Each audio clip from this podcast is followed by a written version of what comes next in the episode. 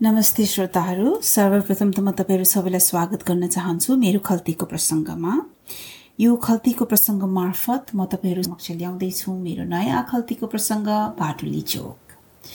बाटुली चोक यो पहिले जब बाल्यकालमा स्कुलबाट घर आइन्थ्यो घरमा हतार हतार घरमा छिर्यो र कप कप भएको खाजा खायो अनि साथीभाइसँग खेल्न जान हतार हुने गर्थ्यो। र त्यो हतारको क्रममा मेरो बाल्यकालमा यो बाटुली चोक निकै प्रसिद्ध थियो। हामी घर नजिकै चोक जहाँ साथीभाइ भेला हुने गर्थ्यौँ। स्कुलबाट घर आउने बित्तिकै कहिले त्यो चोकमा गएर साथीहरूलाई भेटौँ भन्ने एउटा उत्साह र कौतुलता हुने गर्दथ्यो। र त्यही सन्दर्भमा त्यो बाटुली चोकको याद आउँदाखेरि विभिन्न प्रकारका भावहरू मेरो मनमा आज पनि आउने गर्छन्। खोलेर ढोका निस्कन्छु छिटो खेल्नलाई हतार भो। खोलेर ढोका निस्कन्छु छिटो खेल्नलाई हतार भो। पर्खेको साथी बाहिर चोकमा घडीमा ठ्याक्कै चार भो। फ्याँकेर झोला टिप्दै खाजा बढेमाको घाँसमा। साथी भेट्ने जमरको बाटुली चोकको घाँसमा। आज पनि याद छ मलाई त्यो बाटुली चोकको घाँस? हरियो घाँस ठुलो चौर र धेरै बच्चाहरू। एउटा जस्तो अहिलेको यहाँ प्ले ग्राउन्डहरूमा हुने गर्छ बच्चाहरूको झुन्ड हाम्रो बाटुली चोकको घाँस त्यस्तै थियो। सबै केटाकेटीहरू जम्मा भएर त्यहाँ गफ हुने गर्थ्यो ख्यालचट्टा खेलकुद र साथीभाइ जम्मा भएपछि जिस्किने र जिस्काउने।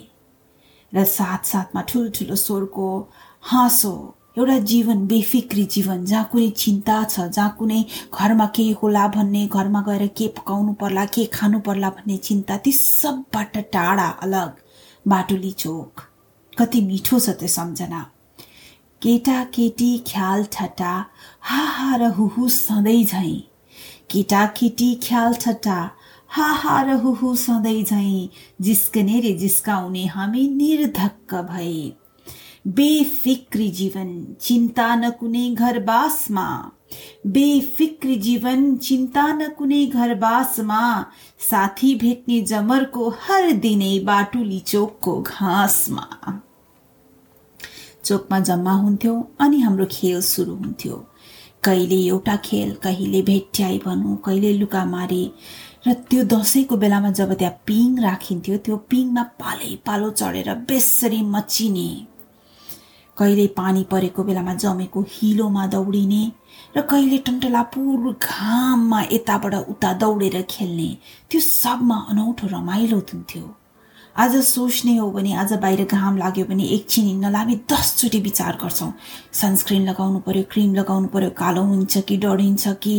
तर त्यो बेला जहाँ घाम र पानी एकातिर हुन्थ्यो र त्यो खेलकुदको रमाइलोपन अर्कोतिर हुन्थ्यो। र सानो सानो कुरामा बेजोडको खितका। पिङमा मची चौरमा थची। पिङमा मची चौरमा थची हिलोमा रङ्गी। पसिनाले भिजी पानीमा रुजी घाममा सेकी।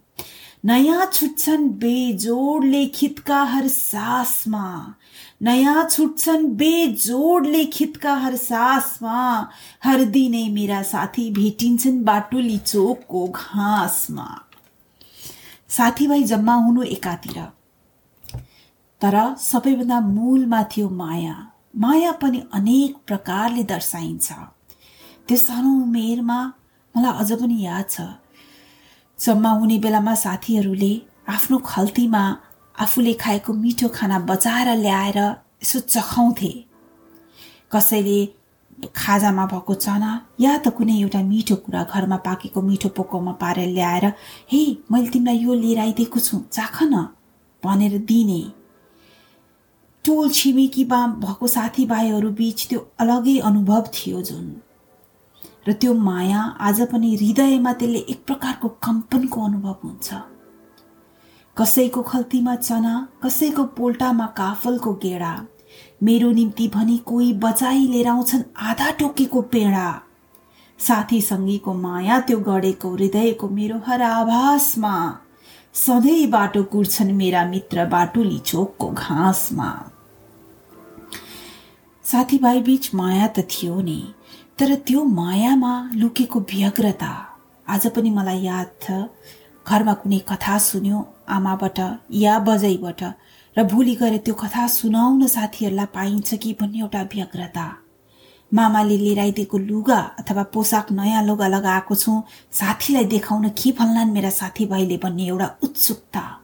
त्यो सबै लिएर जब बाटुली चोकमा जम्मा होइन्थ्यो त्यसको अलगै अनुभव थियो।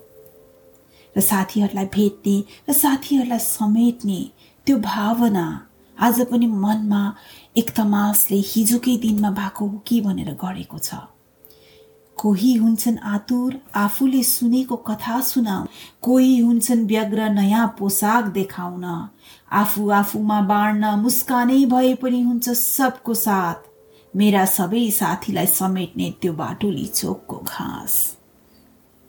कति मिठो सम्झना। र त्यही सम्झना साथै आजको लागि यति नै म फेरि अर्कोचोटि आउनेछु नयाँ आफूभित्रको खल्तीको प्रसङ्गलाई लिएर। सुनिदिनु भएकोमा धेरै धेरै धन्यवाद।